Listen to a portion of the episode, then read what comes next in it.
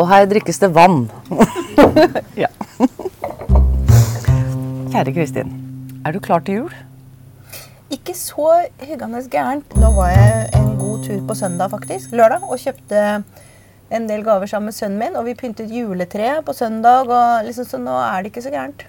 Jeg har kjøpt én gave, ja. Ja. Mm. Det, sånn er jeg normalt. Men du har ganske mange å kjøpe gave til, for du har fire barn ja. og en stor familie. Ja, det er, det er mange gaver.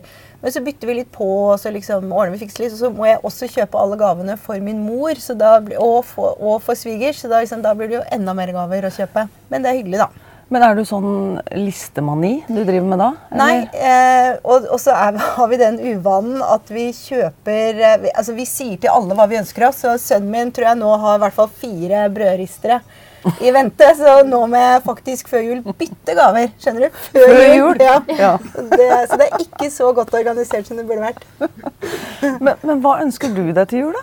Åh, jeg ønsker meg sånne ting som jeg det er jo, det er jo liksom, Man kunne jo selvfølgelig unnet seg mer ting selv, men det er ikke jeg så veldig flink til. Så jeg, meg, jeg ønsker meg litt sånne ting som jeg ikke kjøper til meg selv. Og det er alt fra hudkremer til badeskum til sånne mer ja, du vet sånne kvinnegreier. Skjerf eller uh, Smykker. Smyk, ja, ja, smykker og smykker. Men du vel, ja, stæsj kanskje, da. Altså sånne ting. Uh, for det er jeg veldig dårlig til å ordne med på egen hånd. Tror du du får noe sånne type gaver under tre år? Jeg får alltid noe, får alltid noe hyggelig, da. Men hvordan er det med deg og din mann? Driver dere med praktiske gaver, eller er det opplevelser og andre Nei, type vet du hva, ting? Det er så praktisk. Jeg kjøper det jeg har lyst på til han, og han kjøper det han har lyst på til meg, og det syns jeg er helt greit. Men da, da, får han det Han får liksom kanskje sengetøy av meg, da. Og liksom bare sånn Å, tusen takk, det var akkurat det jeg ønsket meg, skjønner du. og, og jeg er redd jeg får en uh, sånn treningspulsklokke kanskje han gjør, men den er det jo han som skal bruke. Det er han som skal men, bruke den. Uh, men det, det, det, det syns jeg er helt greit. Vi er ikke så innmari romantiske med sånne ting, men det er jeg litt glad for, for da hadde jeg fått prestasjonsangst hvis jeg hadde følt at jeg skulle leve opp til en sånn voldsom kreativitet på gavefronten. Mm. Det tror jeg hadde blitt helt sprø av. Så det er jeg egentlig glad for, da. Men apropos mannen din. Jeg vet ikke om du har delt den historien, men han er faktisk din store kjærlighet. Mm, Vil du dele med lytterne hvordan du traff han, eller? Det kan jeg er dere nysgjerrig på det? Gjøre, ja. Nei, for det var jo et sånt Det var veldig klisjéaktig, da. Fordi vi var på en, eh, en fest, en så stor fest med 150 stykker, som vi hadde vært på flere år uten å se hverandre. Men så var det jo noen som hadde funnet ut at vi skulle ha hverandre til bords. Og det var eh, Det høres veldig klisjéaktig ut, men det var så rart. For det var akkurat som jeg, da jeg traff han, så var det akkurat som jeg hadde kjent ham bestandig. Han var liksom ikke en fremmed. Enda jeg aldri hadde møtt ham før. Og så pratet vi så intenst sammen at uh, jeg tror ikke vi ensa at det var noe som skjedde rundt oss på den festen. i hele tatt. Og sånn kanskje klokka ti på kvelden så kom det en venn bort til meg og gjorde sånn tegn på øyet mitt og sa bare 'Jøss, det er jo fullt av stjerner her, jo, Kristin'. Og da ble jeg først litt sånn flau, for da hadde ikke jeg engang tenkt på hadde, Det var så naturlig at jeg ikke tenkte på hva som skjedde, liksom. Og, og, jeg kunne giftet meg med Christian den første kvelden her, tror jeg egentlig. Og det tok jo ikke så lang tid før vi gjorde det heller, da. Men, så det var bare veldig sånn den derre 'der er du'-følelsen. Det var, det var kjærlighet ved første ja, det var blikk? Veldig det, altså. Når var det her?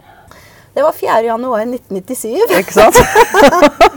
Klokka? Nei. Så, ja, sånn cirka i sjutida, da. Mm. Ja, Da har dere vært gift og holdt sammen lenge? Ja, så vi, vi, vi, forlovet oss veldig raskt, og så giftet vi oss det samme året. Så vi har vært gift i 22 år nå. Og så har du to sett med tvillinger. Mm. Med tre års mellomrom på de to settene. Mm, knappe tre år. Og da var du jo også direktør eh, på det tidspunktet, tror jeg. Ja, det var det. Det er sant, det. Mm. På, på, begge gangene. Mm. De fleste som har ett tvillingpar, sliter jo med å få hverdagen til å gå opp. Mm. Hvordan fikk dere hverdagen til å gå opp? Fordi mannen din er jo jurist og dommer. Mm. Du er direktør. Og så fire små barn under fem Under seks år. Mm. Ja. Nei, fire små barn under tre år hadde under vi faktisk tre på et år. Ja. Men eh, ja, og han var partner i bar på den tida. Så det, det hadde nesten vært lettere hvis han var dommer da. Men og, Og ifølge psykolog Våpenstad så driver dere med omsorgssvikt da. For ledere skal jo ikke ha barn. så hvordan løste dere dette? Nei, det, kan du, altså det må jeg bare innrømme innimellom at jeg lurer på selv òg. For at jeg tenker tilbake på det, så skjønner jeg jo ikke helt hvordan vi fikk det til. Men, men, det gikk jo greit. Men det er klart det er en sånn fase av livet hvor du gjør Eh? Alt, alt handler om det. Eh, og så jobber man i tillegg, men det er jo det som har prioritet. Og når du, når du har fire så små barn, så var det faktisk sånn at vi kunne ikke være alene med det mer enn kanskje en halvtime av gangen. Altså En kunne stikke på butikken, men du kunne ikke være i, i mange timer alene med fire så små barn. Det klarer du ikke i tilfelle det, altså det er bare for mye å håndtere for én person. da. Så det var jo litt av en logistikk, men vi hadde jo masse hjelp fra eh, storfamilien. Veldig heldig som har, har begge familiene våre i Oslo, nær der vi bor. Så det var både besteforeldre og tanter og onkler og alle som stilte opp for oss. Så vi, eh, vi hadde mye hjelp og hadde liksom de sikkerhetsventilene, da. Men det var eh, Det gikk i ett. Jeg kan ikke si noe annet. Så jeg må innrømme at de årene der er litt sånn eh, blurry. Ja, de er litt blurry. Mm. I den perioden der um, Hvordan eh, ble dere enige om hvem som skulle gjøre hva, og ja. hvem skal prioriteres nå?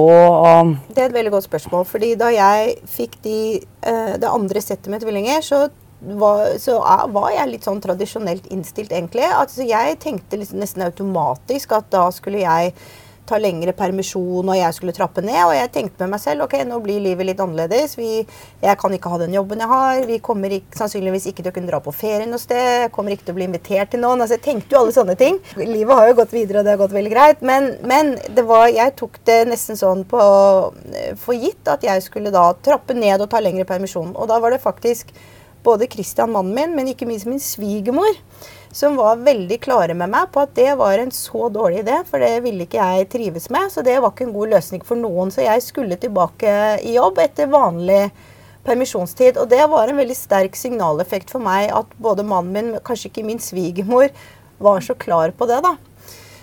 Og så fortsatte vi jo med begge våre jobber i flere år, men så var det jo etter hvert mannen min som, som tok eh, endret, endret, noe. Han, liksom, ikke det at han akkurat gikk i, i, dvale, han heller, men han da begynte å jobbe hos regjeringsadvokaten. Så gikk han tilbake til privat praksis, og så har han vært dommer i lagretten i flere år nå. Og det er jo en tøff jobb, det også, men du kan si det er ganske forutsigbart. Og det er ikke så mye reising, så det hjelper at han Vi vet stort sett at han kan holde fortet når jeg plutselig må gjøre noe annet. Og så bytter vi litt på, da. ikke sant? Så når jeg har anledning til å være hjemme, så bruker han sjansen til å kanskje jobbe sent og sånne ting. Og så har vi bare hatt en liksom vi, har, vi, er jo litt velsignet med at vi har en god relasjon, så vi har aldri gjort opp regnskap. Det har ikke blitt sånn at nå er det jaggu din, eh, din uh, uh, Hva heter det din tur. Din tur, mm. nettopp. Takk. Din tur. Eh, altså liksom det, det, har på en måte ikke blitt et regnskap ut av det. Og så er det noe med at begge vil jo gjerne være hjemme. Altså jeg, jeg, vil jo helst kunne være hjemme og gjøre noe med barna. Og det sånn føler vi det begge to. Så, så da blir det ikke, det blir ikke den derre kampen egentlig om å, om å få slippe. Tvert imot så ønsker begge egentlig å kunne bidra. Og nå er de fire barna store? Hvor, hvor, i verden er de nå? Det, er det noen som bor hjemme? Det går så fort. Og det sa alle til meg da de var små. 'Å, du må nyte denne tiden, Kristin.' Og jeg tenkte sånn ja, Det er liksom greit om årene går litt fort nå, men, men jaggu går det fort. Alle de som sa de hadde helt rett. Nå er de 17 og 20, og nå, akkurat det året her er det bare han ene av de minste hjemme. Datteren vår, som er da i det yngste paret, hun er på utveksling i Berlin. Og de eldste to gutta, da er det en som studerer i Amsterdam, og så er det en som jobber og har flyttet for seg selv i Oslo. Bor for seg selv? Mm, eller med en venn, da. I kollektiv, rett og slett? Ja, et slags ja. minikollektiv, da. Men ja. jeg tenker det er veldig sunt, for da får han føle litt på hva det vil si. Og han hadde en god kommentar her forleden. Han, var, han sa mamma, det er utrolig hvor fort det blir skittent på badet. så det tenker jeg er greit å lære, da. Så da er det egentlig bare én som bor hjemme nå? Mm. Så det året her, vi gikk fra fire i fjor til én nå, så det har vært en ganske stor overgang.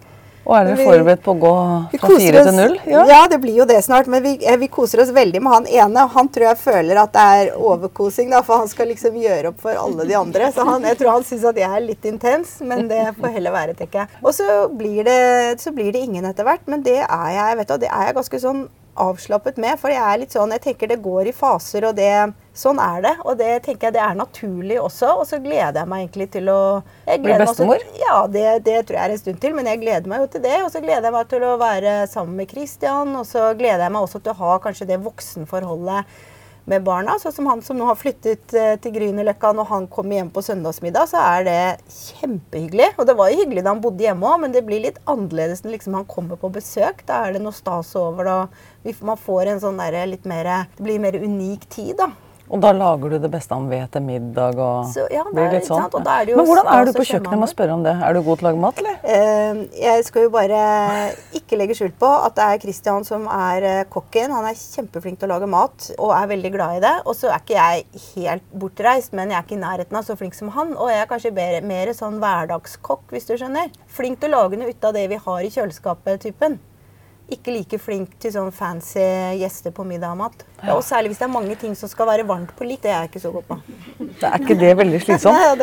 Alle de kjelene på komfyren med en gang, og den timingen. Ja, veldig mm. krevende. Og da er det alltid et eller annet som jeg har glemt. Eller liksom, 'Å nei, sausen har jeg ikke laget', eller skjønner du. Det alltid noe sånt. Så glemt sausen. Ja, et eller annet. Så det har ikke gått uh, husmorevne tapt i deg? Mm, jo, jeg tror faktisk at jeg hadde vært en grepa husholdersk i den forstand at jeg er liksom veldig effektiv ikke sant? og elsker å gjøre rent. Vaske klær og stryke, ordne hagen, holde orden. Alt sånn er jeg kjempegod på. Og så tenker jeg at hvis det hadde vært yrket mitt, så hadde jeg nok blitt flink til å lage mat da, men jeg har jo ikke da kanskje behøvd å, å bli så god til det, da. Så, og det tenker jeg er fint at når Kristian er så glad i å lage mat, så er jo det veldig ålreit at han kan rulle på kjøkkenet. Men du, nå er det snart ett år siden du ble konsernsjef i Skipsted. Det mm. var 1.12.2018. Eh, ja, bra. Hvordan har det første året vært? Det har vært innmari fint. Jeg er så positiv i forhold til det. Fordi det gikk jo veldig fort, det der i skiftet. Du får liksom sånn tre-fire dager til å tenke deg om på om du skal si ja til noe sånn eller ei. Og jeg var jo veldig glad i NHO og veldig fornøyd med den jobben jeg hadde. Og, og, tenkte at jeg kommer aldri til å trives eh, så godt i en jobb igjen. Som, selv om jeg visste at jeg ikke kunne bli kanskje i NHO hele livet, så tenkte jeg det. At det blir veldig vanskelig å, å, gå videre herfra. Og så kom det opp, og jeg bestemte meg på kort tid. Og, og, nå har jeg vært der et år, og jeg er innmari glad for at det skjedde. Ikke fordi ikke jeg var glad i NHO, men jeg bare tenker at det alltid sin tid. Og det var det var riktig for meg å, å, ta et skifte og slippe til andre i NHO, og det går veldig bra med NHO, helt uten min hjelp, kan jeg bare konstatere. Og så det, er det veldig morsomt å komme tilbake til eh, operativ eh, virksomhet. Eh, og det er masse flinke folk i Skipsted. Så jeg trives veldig godt, og jeg har blitt så godt tatt imot. For jeg jobbet jo der i Du kjenner jo systemet godt? Ja, så liksom, selv om det har endret seg mye siden den gang, så, så er det noe med at du, du forstår deg på det, liksom. Og, og, så jeg ble veldig godt tatt imot. Og så er det Vi driver jo med så spennende ting. Masse digitale nye satsinger. Og man er litt sånn i, in the forefront av en del av utviklingen. da. Så det er veldig spennende. Det er raskt, det er innovativt. Og det er litt mer sånn direkte. ikke sant? Det er, jo ikke, er jo ikke så mye politikk i det som det var i nå. Så det, det, går fortere. Og det er også veldig gøy. Og det er vel første gang du er på toppen av et børsnotert altså, du har jobbet ja. i Telenor, som også var børsnotert, men da var du jo ikke øverste leder. Nei, det er helt riktig. Så hvordan er det å ha et øverste lederansvar i et børsnotert selskap? Det du merker det på, er at du bruker mye tid på finansmarkedene. og Det har jeg aldri måttet forholde meg til før. Og det tenkte jeg kanskje at jeg ikke ville nødvendigvis trives så godt med, men det er faktisk ålreit. For det første så er jo disse investorene veldig dyktige folk som forstår virksomheten din og stiller veldig gode spørsmål og man kan ha gode diskusjoner. Og så er det noe skjerpende i det. Og du blir hele tiden minnet på om hva de syns er viktig. Og det, det, det, altså det, gir meg en disiplin i, i, resten av arbeidet som jeg setter pris på, da. Men apropos disiplin. Mm. Det har du. Fordi vi var på en teknologikonferanse, eh, Kristin og jeg, for ikke så veldig lenge siden. Og da skulle jeg fasilitere en liten debatt med digitaliseringsministeren og, og andre eh, nøkkelpersoner. Og så hadde jeg på et forhånd fått tilsendt manus, eller forslag til manus, da, som eh, disse debattantene skulle gå igjennom. Blant annet ditt, da. Så eh, er det din tur, da, Kristin, til å holde ditt innlegg. Og så siterer du alt ordrett. Du hadde altså memorert hvert eneste ord i den pitchen som var ja, den var kanskje på fire-fem minutter. Det var, ikke en sånn ja, det var, Åtte minutter. Så kunne hun det utenat, og da fikk jeg sånn prestasjonsangst. Driver du virkelig med dette? I enhver situasjon å lære deg ting utenat. Du må lære oss dette trikset her. ja. Hvordan gjør du det her? Så deilig at jeg kan gi deg litt prestasjonsangst, Anita. Ja! Det, er jeg, jeg, jeg, altså jeg kan gjøre det med alt. Det orker jeg ikke, for det, krever jo litt. ikke sant? Så jeg gjør det bare når jeg føler det er viktig. Fordi jeg syns det blir så mye bedre hvis du kan holde Av og til er det veldig viktig at du sier akkurat det du skal si. Spesielt i NHO-jobben var det veldig viktig. At du faktisk må velge akkurat de ordene. Du kan ikke sleive rundt med det. Var det der du begynte med det? I NHO-jobben? Mm, ja, jeg har jo alltid egentlig, jeg har egentlig hatt det litt i meg, men, men jeg fikk i hvert fall mye bruk for det der. da. Og så er det noe med å stå og snakke uten manus, når, fall hvis du har den evnen at du får det til å høres ut som det kommer til deg akkurat der og da. Så er jo det, det er så mye sterkere for de som hører på. Det blir så mye mer troverdig, det blir så mye mer ditt. da. Så når det er noe viktig, så gjør jeg det. Og da, Jeg må jo jobbe litt med det, men ikke så mye, for jeg har veldig sånn fotografisk minne. Fortell, fortell oss så, nå, hvordan, hvordan, gjør du ja, det? Står du hjemme med Christian nei, og barna? Nei, da, altså. nei, da, nei, nei, det gjør jeg ikke. Men jeg har manuset, og så, det, så ser jeg mønsteret. Så det manuset må jeg enten da Ofte så har jeg det på talekort, som er sånn passe dose med tekst. Og så la oss si det var, eh, det var kanskje 15 sider av på talekort på det du hørte meg si. Og så har jeg sånn, så ser jeg mønsteret av de liksom, bolkene. Og det som er vanskeligst, det er overgangen. Så lenge jeg er i en bolk, så husker jeg alt ordrett. Det, det koster meg veldig lite. Men det er det å liksom ha de overgangene det er det jeg kan av og til liksom bomme på eller bli usikker på. da. Så jeg må liksom bare, Det er liksom to mønstre. Det ene er liksom det mønsteret på hver side som sitter ganske lett. Og så må jeg ha det der hovedmønsteret som gjør at jeg ikke bommer på overgangen. Og når jeg liksom bare har fått de mønstrene inn i hodet, da bare, da bare sitter det så det er akkurat som jeg bare ser det. Jeg vet ikke hvordan jeg skal beskrive det. Kunne vært skuespiller, du, da. Som må lære seg manus utenat. Ja, det kunne jeg kanskje mm. vært. Har du prøvd deg på det før? Nei. Har du spilt i noen eh, skolerevy, eller? Nei, jeg har ikke det. Men uh, jeg, hadde, jeg kunne kanskje vært uh, Jeg kunne iallfall kunnet teksten. Jeg er ikke helt sikker på om jeg hadde vært så innmari god skuespiller av den grunn. du er Oslo-jente? Ja, ikke egentlig Oslo-jente, da, for jeg vokste opp ute i Bærum, på Østerås. Endestasjonen på T-banen. Mm. Og så flytta du til Oslo? Eller vokste du opp? Hadde du all ungdommen din? Gikk du på Valler videregående? Nei, gikk på Eikeli. Og så var jeg, altså jeg bodde der helt til jeg var russ. Og så dro jeg til USA og studerte. Og så bodde jeg i utlandet i ganske mange år. Og så, jeg, så traff jeg Christian, da. Og så kom jeg hjem etter hvert. Eh, og da flyttet, vi, da flyttet jeg først inn i en leilighet han hadde, eh, nede i Professor Rahls gate. Og så kjøpte vi det huset hvor vi bor nå, oppe ved Makrellbekken. Ja, der har vi da bodd i 20 eh, år nå. Hvor mange søsken har du? Tre eldre søsken, og jeg er skikkelig attpåklatt. Så ni år til yngstemann. De er 9, 10 og 13 år eldre. Og hva syns de om lillesøster? Nei, jeg tror de, jeg tror de syns det var eh, ålreit uh, da jeg kom. De har i hvert fall alltid vært veldig sånn uh, greie med meg. Og da jeg var liten, så var istedenfor at jeg ble en sånn egen ting, så ble jeg litt trukket med. For familiens liksom, tyngdepunkt var jo hos dem.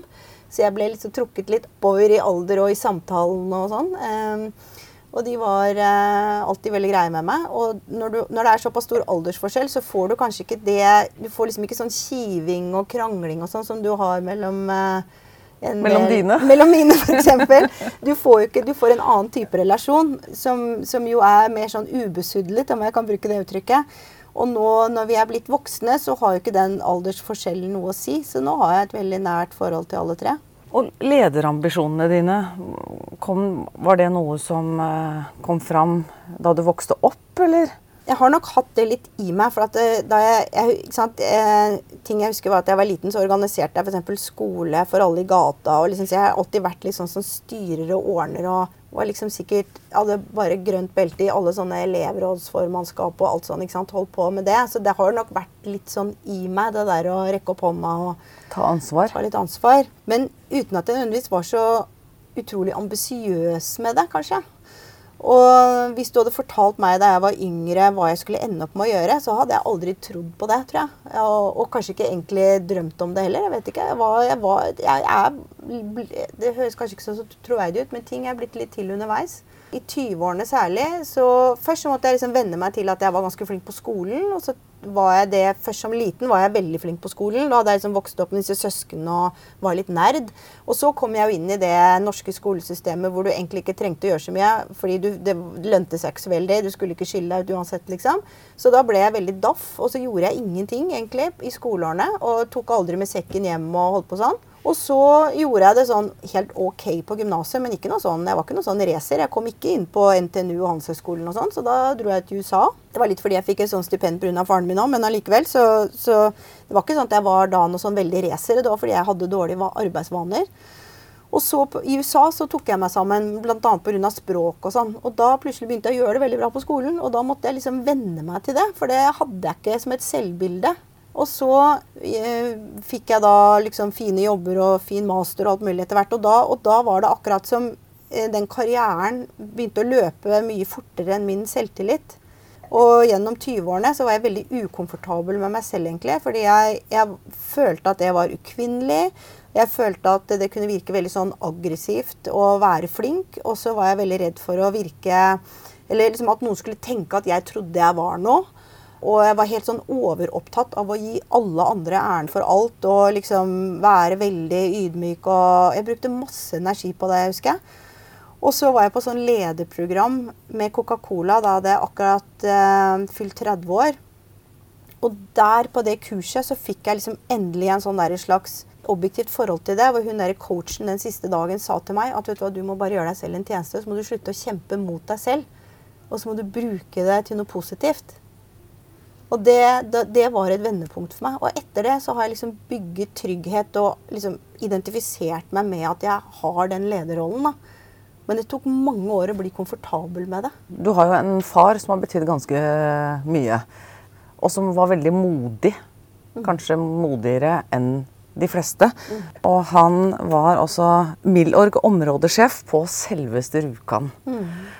Og det å vokse opp med han rundt kjøkkenbordet, eh, hva slags betydning tror du det har hatt for eh, ja, dine lederegenskaper? Da, det å ta dette ansvaret og mm. Har du tenkt noe på det?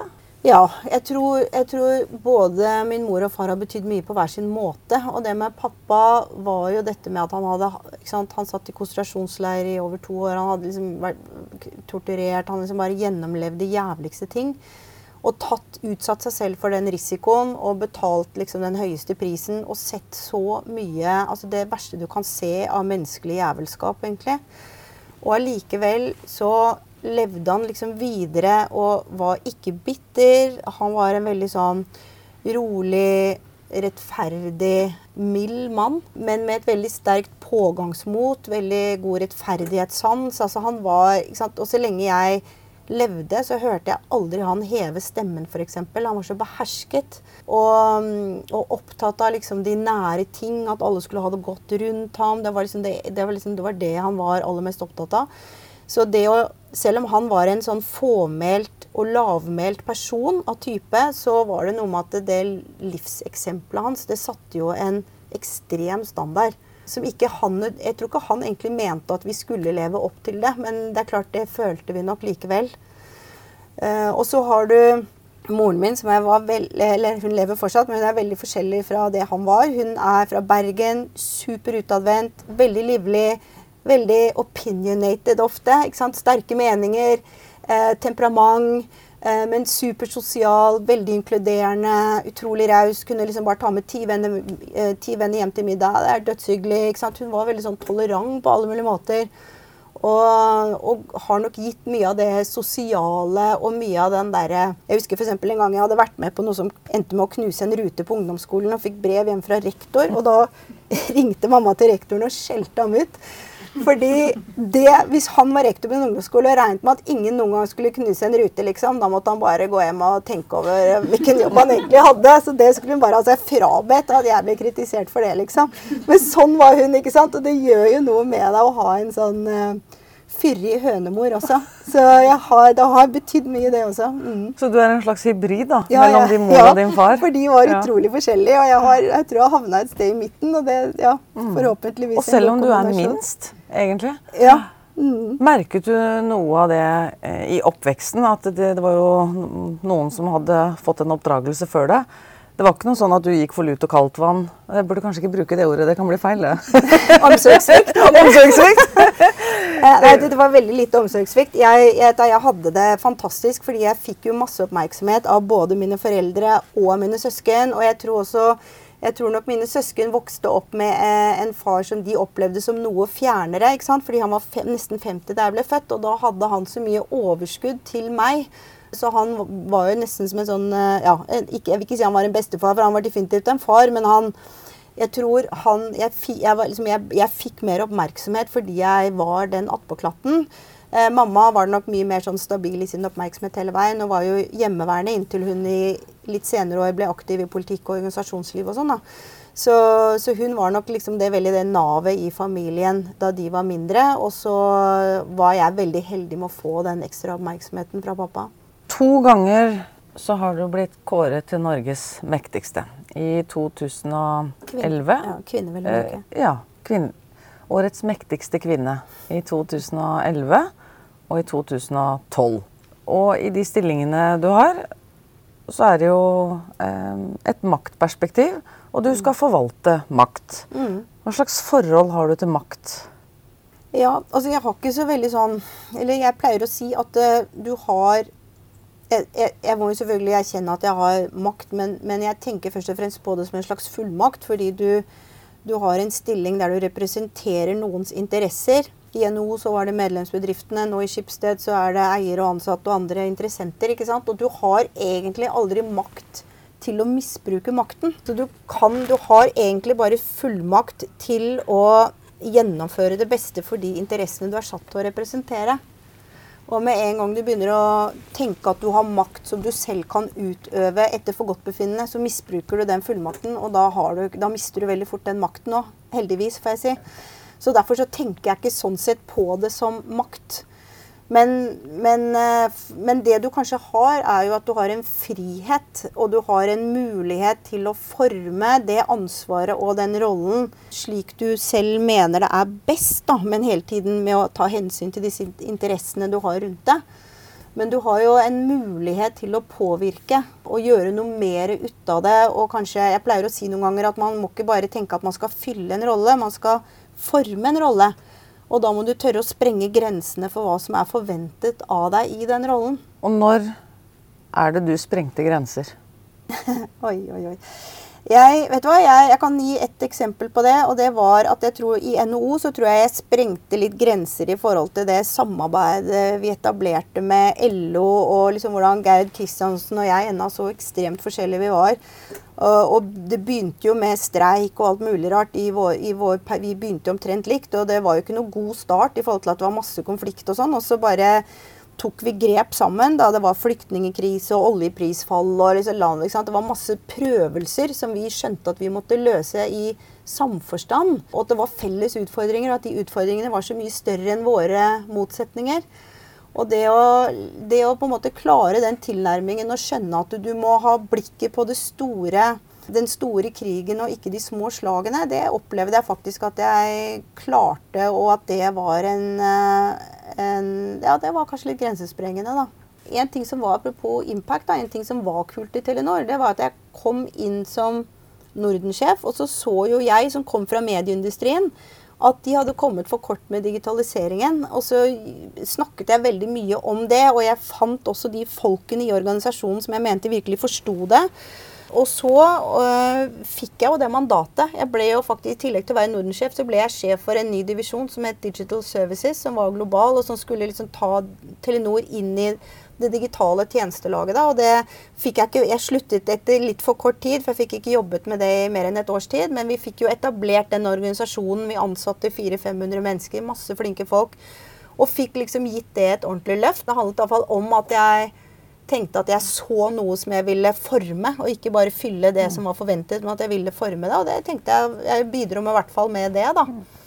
Men du er jo intervjua en bok eh, om Telenor, mm. eh, hvor det har jo vært eh, diskusjoner rundt maktspill og kvinner og kvinnelige ledere i Telenor og eh, ja, men jeg, det jeg sier i den boken, det er at mm. jeg, jeg, jeg, følte ikke nødvendigvis at det hadde noe med å være kvinne å gjøre. Men mm. jeg følte at det, Telenor har en, hatt en kultur, og det har de hatt i mange mange år, helt fra Tormod Hermansens tid, hvor, hvor det har vært en sånn det har vært en, eh, en, en, kultur der man Han var jo kjent, han var jo en superdyktig strateg, men han var jo kjent for det å kanskje gi to stykker det samme oppdraget uten at de visste om det. og sånn. Altså Han, han satte liksom litt sånn bevisst folk opp mot hverandre. Det var mye sånn intern konkurranse. Eh, og det var det nok preget av i konsernledelsen der, at det var litt sånn Ikke akkurat intern konkurranse, er kanskje ikke ordet, men det var litt sånn Man måtte bare fendre for en selv, da. Det var ikke akkurat sånn, det var liksom ikke nødvendigvis ett lag som satt der og sang Kumbaya, for å si det sånn.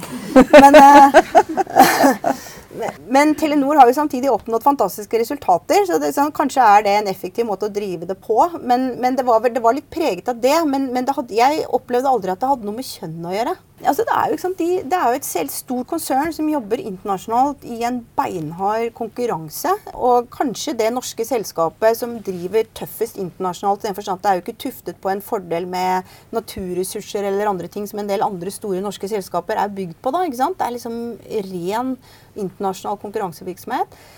Så det er noe med at det det er jo tøft, og det er et kjør. Og, og de var veldig dyktige. Det er ganske sånn, det er ganske sånn hardt finansielt styrt i Telenor også. ikke sant? Det er eh, veldig resultatorientert. Hva er hovedforskjellen kulturmessig synes du, mellom Skipsted og Telenor? Ja, det er så forskjellig. ja. Og nå har jeg faktisk rekruttert en del folk fra Telenor, og de, de sier jo det samme alle sammen. Ja, alle sammen, så mange er det ikke da, men de, de har jo den samme refleksjonen. Nei, for at Telenor er veldig som sagt, det er veldig organisert, systematisert, litt mer sånn strømlinjeformet og veldig finansielt styrt. Og Skipsted kommer jo fra en tradisjon der alle disse selskapene er sterke merkevarer og har operert veldig autonomt og uavhengig og har sterke kulturer ganske sånn egenrådige kulturer, men det fine med det er at de, liksom, de blør for drakta, de innoverer, de ordner opp. ikke sant? De kommer ikke løpende til konsernet hvis det går litt dårlig. ikke sant? Da, de, da ordner de opp. Men det er en sånn slags Ikke akkurat et anarki, men det er en sånn der eh, egenrådighet og selv, selvråderett, eller hva jeg skal si, som er ganske sterk. Og nå, i dataalderen, så er jo Skipsted mer og mer avhengig av å ta ut skalafordeler på tvers av disse selskapene og samordne datastrategier og sånne ting. Og det krever jo en annen disiplin som det konsernet ikke er vant til. Så det som er litt, eh, det er litt gøy. Det holder vi på med nå. Eh, det er litt vanskelig, og det er litt gøy. Og så er det noe med at det, til å være et så vellykket konsern konsern som det er. At de har fått til fantastisk innovasjon og vekst internasjonalt, og, og det er så mye bra med det. Så er de kanskje overraskende lite strukturert internt på et vis da, i Skipsted. Og så er det det å klare å få det bedre, men ikke ødelegge den derre litt crazinessen og uavhengigheten som er så bra. Og den sant, driven og innovasjonen som, som, er helt fantastisk, men som da ikke alltid Den kan liksom ikke alltid planlegges. Du, den må få lov til å bare blomstre også. Å be om tilgivelse og ikke tillatelse. Du vil ha ja, litt rom for det? Nei, absolutt. Mm. Må, vi må ha veldig stor takhøyde der. Og så må vi samtidig liksom rett og slett bli litt mer strukturerte og stringente for å samordne oss bedre. Fordi vi vi konkurrerer med Google og Facebook og andre som er samkjørt på tvers av tre milliarder brukere. Vi har noen millioner brukere. Vi er store i Norden og noen få andre land. ikke sant? Men, men eh, vi har allerede en ulempe der, og da må vi i hvert fall være gode på å spille godt med de kortene vi er tildelt, for å si det sånn. Nå har du hatt første året i Skipsted, og du skal ha noen år til. Det virker som om du har en sånn slags eh, mellom disse lederjobbene, du har en sånn mellom fire til seks års, sju års perspektiv ish. Um, hva er litt sånn drømmescenarioet ditt når du eh, Eller det får du kanskje ikke lov å si, i og med at det er børsnotert. Hvor skal Skipsted være når du har levert det du har levert? Mm -hmm. Å ja, gud, det vet jeg jo ikke helt. Men jeg, jeg, kan, jeg vet ikke om det blir særlig børssensitivt. Er det børssensitivt? Nei, jeg tror ikke det blir så veldig børssensitivt, for det blir jo bare drømmeri fra min side. Men nei, altså, den store drømmen er jo å klare å, liksom at Skipsted sant, reskaper seg selv enda en gang. Vi gikk fra tradisjonelt medieselskap til å bli en stor internasjonal aktør innen markedsplasser, som vi kaller det, som er finn.no, men som vi da har i 22 land. Og vi spant jo av dette Adevinta nå i april, og det, det er jo nå verdsatt til 80 milliarder kroner på Oslo Børs, så det er jo et eventyr. Uh, og tenk om jeg kunne ledet Skipsted i en fase hvor vi fant nye trender som kommer tidlig til Norden, slik at vi kan bygge tjenestene først her, sånn at vi kan skalere det ut slik man klarte. da med markedsplassene. Og det Skipsted gjorde den gangen, var jo disruptet seg selv. ikke sant? De, Kannibalisering? Kan, nettopp. Rubrikkannonser, som var den store inntektskilden. Så så de Internett kom til å ta det, og istedenfor å lukke øynene og vente på at noen andre gjorde det, så lot de Finn ta rotta på seg selv. Og det krever en ekstrem disiplin eh, å gjøre det. Og det har de klart til gangs. Og de så det tidlig nok, og de hadde gutset til å, å gjøre det. Så det er drømmen min, at vi skal klare å, å gjenskape noe à la det. Det hadde vært kjempegøy. Og vi har eh, Skipsted er blitt ganske stor virksomhet etter hvert. Vi driver med mange forskjellige ting, så det er eh, mye spennende. Og en ting jeg har lyst til å nevne, Noe av det morsomste jeg vet om, det er jo distribusjonsvirksomheten vår. Som er liksom avisbudene, som man kanskje kan tenke på som noe av det mer trauste. Men de, der kom det en ny leder som heter Katrine inn i 2013. Fikk beskjed om at eh, å, papiravisene det går nedover, dette må du bare ordne, liksom. Vi har flere tusen bud her, og dette går jo ikke. Hun sa bare 'hallo, vi er på 90% av alle norske dørmatter'. Det er en kjempeposisjon. Og nå driver de med Helt hjem og Meg til deg og Svosj og morgenlevering og alt mulig rart. Det er den delen av Skipsted som vokser raskest. 100% i året. Helt knall. Så For det er jo en plattform? Ufattelig innovative. Det er, de har gjort seg selv til en navet i en plattform i e-handelens tidsalder. Hvem hadde tenkt det da, med avisdistribusjonsvirksomhet? Man kunne jo bare lukket øynene og tenkt at dette går ned. ikke sant? Og så vrir man det til en mulighet å retenke fullstendig hvilken posisjon man egentlig er i. Det syns jeg er så kult. Og jeg får så inspirasjon av det. Jeg tenker, fader, Hvis avisdistribusjonen kan være det som vokser raskest i Skipsted, da må vi fader meg klare å gjenskape flere ting her. altså. Jeg syns det er så kult. Og hvilken del av Skipsted er det du uh, tror kommer til å ta lengst tid uh, for å endre? Her må jeg gå to steg tilbake for å kunne klare å gå fire fram. Ja, da, ja, du, Det er faktisk det jeg snakket om i sted. Det med at vi prøver å etablere Vi kaller det for fundamentet. da. Vi prøver liksom å si at Skipsted som konsern skal være et fundament for alle disse virksomhetene som skal holde på med sitt og vokse på sitt vis. Men vi trenger å samordne ikke minst data og teknologi. Og det tror jeg faktisk blir det tyngste. fordi eh, det å samordne det eh, i den kulturen som jeg beskrev, eh, det, er veldig, det er veldig krevende. Og det betyr at alle må begynne å jobbe på litt andre måter. og og alt det der. Og det er også noe med at alle er opptatt med sitt, og så er det ikke alltid like lett å tenke på at noen må også ta hensyn til de mulighetene vi ikke klarer å gripe fordi vi ikke jobber på den måten. da. Så det er noe av det vi holder på med nå. Og Du har jo hentet flere nøkkelpersoner fra tidligere Telenor. Um, og du har jo opp gjennom de siste 25 åra bygd opp masse gode relasjoner og er jo god til å, å, å samle på gode folk. Hvilke relasjoner er det som har hatt størst betydning for deg i din egen eh, karriereutvikling? Når du har stått overfor valg, skal jeg gjøre det ene eller det andre? Hvilke, hvilke relasjoner er det? Ja, det er veldig interessant. For at eh, dels så søker man jo råd hos de aller nærmeste. ikke sant? Jeg har alltid veldig gode råd av Christian, og jeg har alltid noen rundt meg tett av kollegaer som jeg lytter veldig til og hører på. De ser ofte situasjonen godt og kjenner meg og sånn. Men så er det noen andre, og det kan variere litt. Men da jeg f.eks. lurte på om jeg skulle ta den jobben i Skipsted, og det var jo veldig hemmelig, så det kunne jeg jo ikke snakke med så mange om, da snakket jeg med Idar Kreutzer, og så snakket jeg faktisk med Siv Jensen. Men det hadde jeg kanskje ikke gjort i dag, hvis du skjønner. Altså, liksom, så det, Da kan det være en annen ting, så det kommer litt an på. Men ofte så er det veldig Jeg har hatt stor nytte av å snakke med Sånn som de to som er hva skal jeg si, samfunnsmennesker, som kan se det store bildet og vurdere det, og liksom, men som samtidig sitter litt vekk fra min hverdag og, og ser meg utenfra i litt større grad. Da. Men jeg lurer på én ting. Mm. Er det bare jobb, og alt er positivt, og alt funker. Eh, ingenting er vanskelig. Kjører gjerne et tredje sett med tvillinger. Vi får til alt. Eh, ny konsernsjef der. Det er liksom ingen begrensninger. Har du ingen guilty pleasures? Eh, jeg liker å Jeg liker å legge meg i badekaret, faktisk. Kan det kalles en guilty pleasure? Jeg vet ikke om det er så guilty. Nei, det, altså, det, ser ut som på publikum her at jeg er ikke Nei, helt innafor. Det ikke. Nei. Nei, men da slapper jeg iallfall veldig av, da. Jeg gjør det. Og så og så elsker jeg å jobbe i hagen, men det skjønner jeg i hvert fall ikke er guilty pleasure. Men det er veldig meditasjon, da, i hvert fall. Så det liker jeg. Og så er jeg jo veldig sosial. Så jeg, jo, jeg er jo innmari glad i å være sammen med folk og være på middag og, eller ha middag og alt det Mat, der. Mat, da? Er det en guilty pleasure? Så ja, jeg spiser jo spiser godt, ja. ja. Spiser du godteri, da? Ja, litt. Jeg er ikke så veldig glad i søte ting, men potetgull f.eks. Ja. Det går unna. Så hvis man skal gjøre deg glad, så kommer man med en pose potetgull og ja. Hva er det du, hva er det du liker å se på av filmer og serier? Binge-watcher du noen gang? Hva betyr det? Ja, ikke sant? Å binge-watche det betyr f.eks. å se en hel Netflix-serie med oh, 20 episoder, og du er oppe oh, 24 timer i døgnet. Nei, det har jeg aldri gjort. Det kommer jeg aldri til å gjøre heller, tror jeg. Nei. Det høres utrolig kjedelig ut, men eh, jeg ser på litt innimellom. Men eh, jeg, får, jeg har ikke så god tid til det, kanskje. Eller prioriterer ikke det så mye, da. Men du, ser du, går du på kino, da? Ja, innimellom. Det er jeg veldig glad i å gå på kino. eh, Så jeg gjør det av og til. Jeg ser av og til på Netflix òg. Ja. Hva ser du på Og da? det er av og til at jeg laster det ned. Det er liksom min egen tid. Det er ofte på fly. Jeg har sett The Crown nå, og så har jeg sett på den uh, Handmaid's Tale. Og så så jeg den med Bill Gates, den der eh, dokumentaren om han. Og så så jeg om Tsar-familien.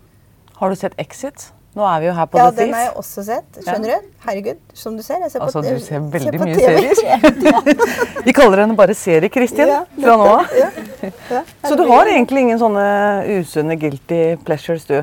Mm. Egentlig, Det er helt greit å ikke ha det. Ja, kanskje ikke sånn veldig egentlig akkurat det. Nei. Har du noen hobbyer, da? Uh, ja, mm, jeg prøver å holde meg litt i form. Og så er jo hobbyen egentlig mye bare det å være sosial og med folk og holde på og stelle og stulle og liksom Jeg gjør mye av det, egentlig. Men jeg skulle ønske jeg leste mer. Det, for det liker jeg egentlig. Og jeg har, jeg er så, det er så mye bra bøker, og jeg kjøper bøker og får en del bøker. Og liksom har store ambisjoner, og så er jeg dårlig til å lese. Jeg fikk boka di, f.eks. Den har jeg lest kanskje 60 sider av, da, men nå skal den med på juleferie. Hva syns du om Kamelen? Så Ja, langt? så langt så er det kjempebra, ikke sant? Ja. Og så blir jeg tatt av noe annet, og så, og så blir det liggende, og så er det noe annet, og så, liksom, så får jeg aldri liksom den derre langtidsroen Kanskje du har sånn short attention span? Det har jeg. Jo, Ja. nå har jeg en. Ja, det er veldig kjedelig, da. Men telefonkonferanser Da, etter fem eller ti minutter, så kan du være helt sikker på at jeg ikke følger med, og at jeg sitter og leser mail eller gjør noe annet. Men må du ha så mange av de? Nei. Men Nei. i den grad jeg har det, så i hvert fall hvis ikke jeg må være veldig ledende, hvis jeg bare skal lytte, det er helt krise. Ja, Jeg øh, kan jo da mm, avsløre en sånn liten telefonkonferanse, for jeg har jobbet for mange amerikanske selskaper, og da er det veldig mye calls.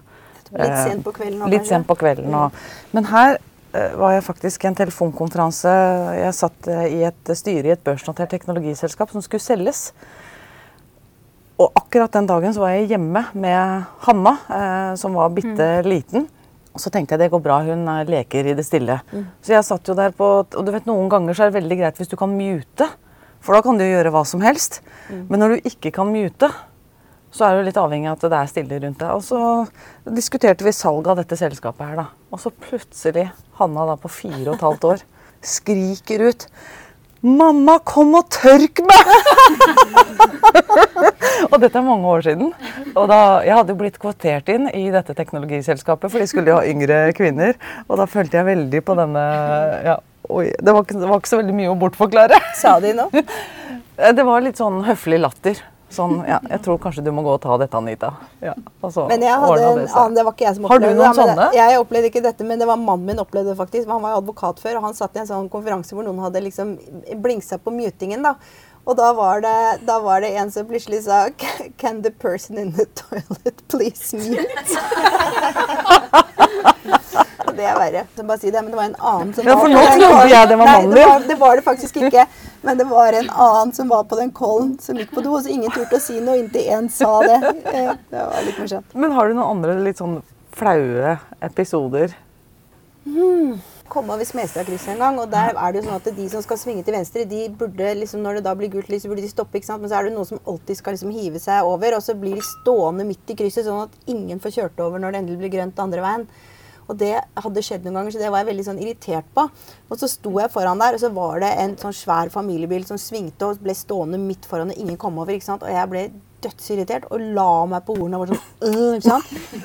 Og så var det en av de beste vennene til mannen min, da, fadder til sønnen vår, som satt der og bare gjorde sånn unnskyld, og så sitter du der er den drittkjerringa som Ja. bare tuter og maser og fekter og sånn. Å, fy faen. Jeg, å, jeg syns det var så fælt. Er ikke det fælt? Å, gud. Jeg følte meg Ja, da var jeg, da var jeg skamfull. Det er, men, det er mye i det å ta tre lange magedrag før man eh, fyrer av gårde. Altså. Og ikke minst med mail og SMS og sånn. Bare don't do it. Har du noen erfaring hvor du har måttet lære det, eller har du hatt det i DNA-et ditt fra begynnelsen av?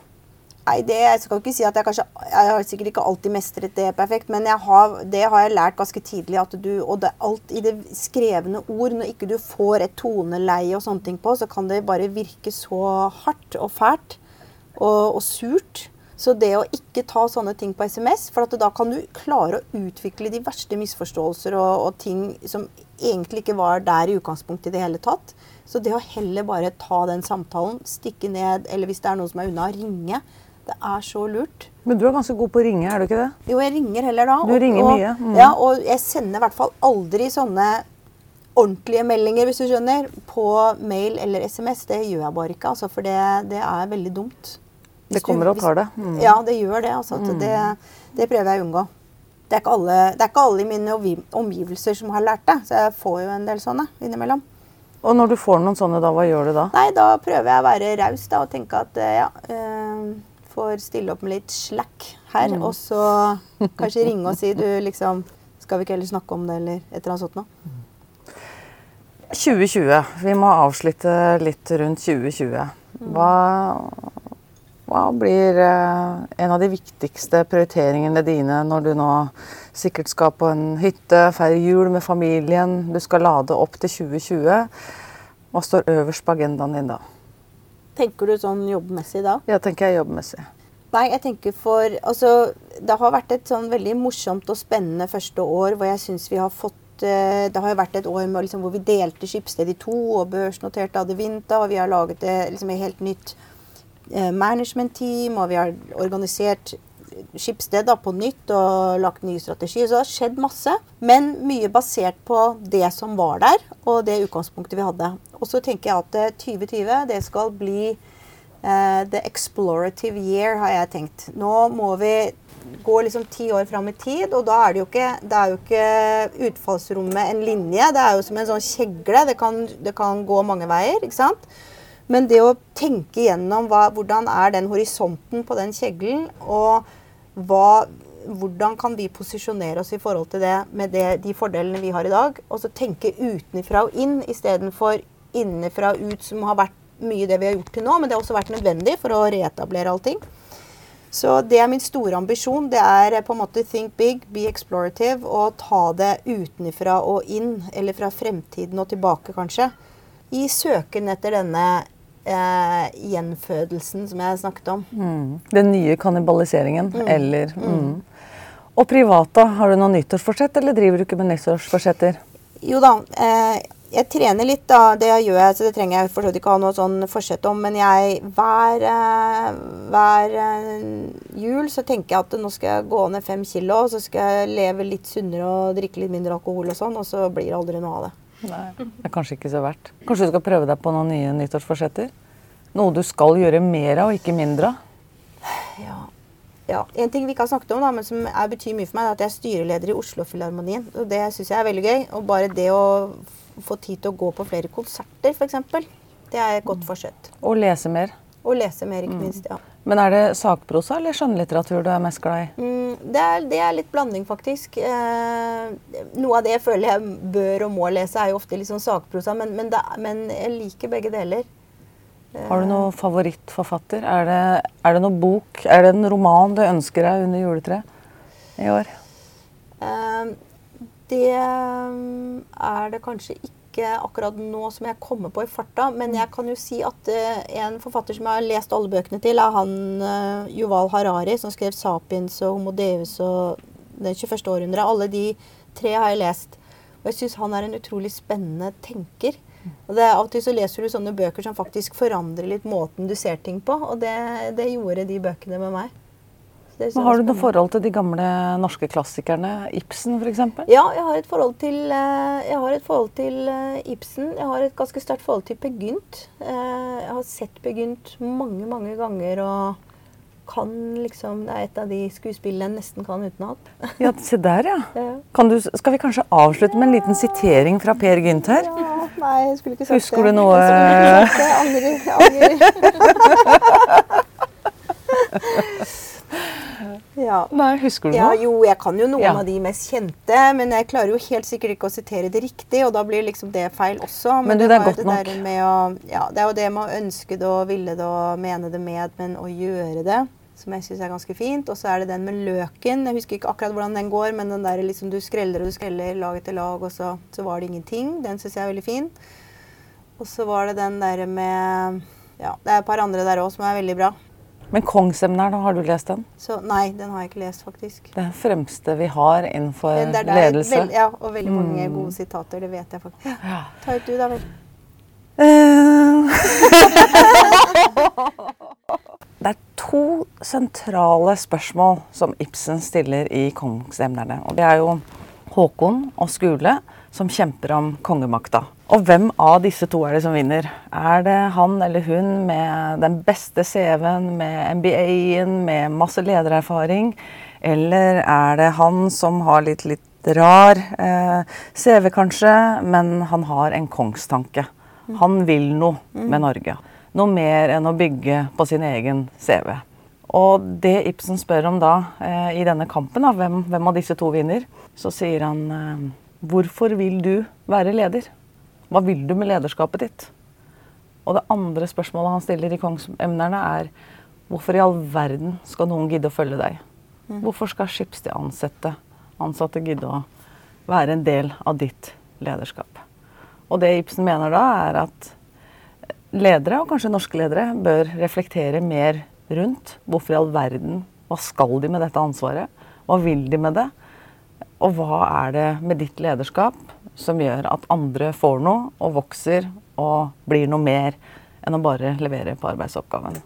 Og det at det er en norsk forfatter som har skrevet om dette her på 1800-tallet, som er så relevant i eh, 2019, og det er en litt eh, undervurdert litteratur for ledelsesutdannelsen i Norge. Men heldigvis så finnes Steinar Bjartvedt og Kjetil Eikeseth, som er kanskje de mest fremragende i Norge til å eh, presentere oss ledere da, for den type litteratur. Og som får oss til å tenke på litt annet enn hva er de nye forretningsmodellene eh, som er sagprosaene, ikke sant? For vi må jo kunne det Ja, ja, også. det Men får oss til å tenke litt de store refleksjonene. Vi lagde jo et lederprogram i NHO som heter NHO-akademiet. og det handler, Da drar man til Italia, så lærer man om renessansen. Og så drar man til, ja. ja, og så drar man til eh, USA, og der treffer man, drar man til landsbygda og treffer de som stemmer Trump og er desillusjonert, for å forstå liksom det. og altså, Hele kurset er bare en sånn dannelsesreise i å forstå ulike sider både av historien og nåtiden. Da. Det, og det har vi fått så god Eller vi er fortsatt, men jeg har fått veldig bra feedback på det. Sånne ting har jeg utrolig tro på. Kommer vi til å se det i Skipsted? Noe sånn slags Skipsted er, jeg har veldig tro på det. Og det er en annen ting som jeg har ikke fått snakket om det i det hele tatt, men en annen ting jeg har veldig tro på, det er jo å oppsøke det som er annerledes, og det som er eh, motsetningene til deg. For det er jo, man lærer jo så mye mer av det enn å bare omgi seg med det som er likt, og de som heier og alt det der. Selv om det trenger man også for trygghet. Så blir man jo virkelig klok av å forstå de som faktisk er helt kontrære. Eh, og jeg tenker at jeg, liksom, jeg pleier alltid å si noen ganger at liksom, hva er egentlig suksess? Det handler jo faktisk ikke om å vinne, men det handler veldig om, ofte om å finne det rette balansepunktet mellom mange interesser og den løsningen som står seg best for flest. Og det er jo veldig sjelden når jeg får det akkurat som jeg vil. Men skal du klare å finne det balansepunktet, da må du faktisk forstå alle de ulike eh, tyngdekreftene eh, som er i spill, for at du skal forstå hvor balansen ligger. Og da må du oppsøke den motstanden. da. Og det tror jeg var en veldig klok politiker som sa en gang at det beste med demokratiet er at du, du må faktisk ha flertall. Ja. Det er kanskje noe i det.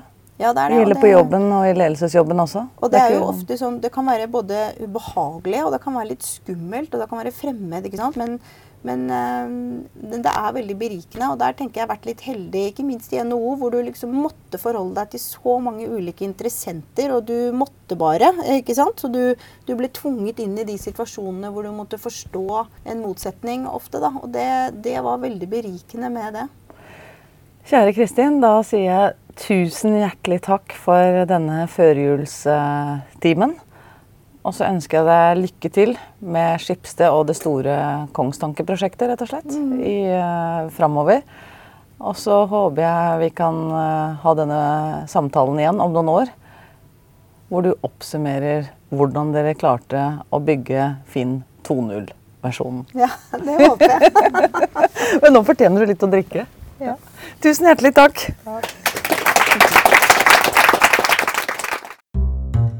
Camel uten filter er spilt inn på The Thief.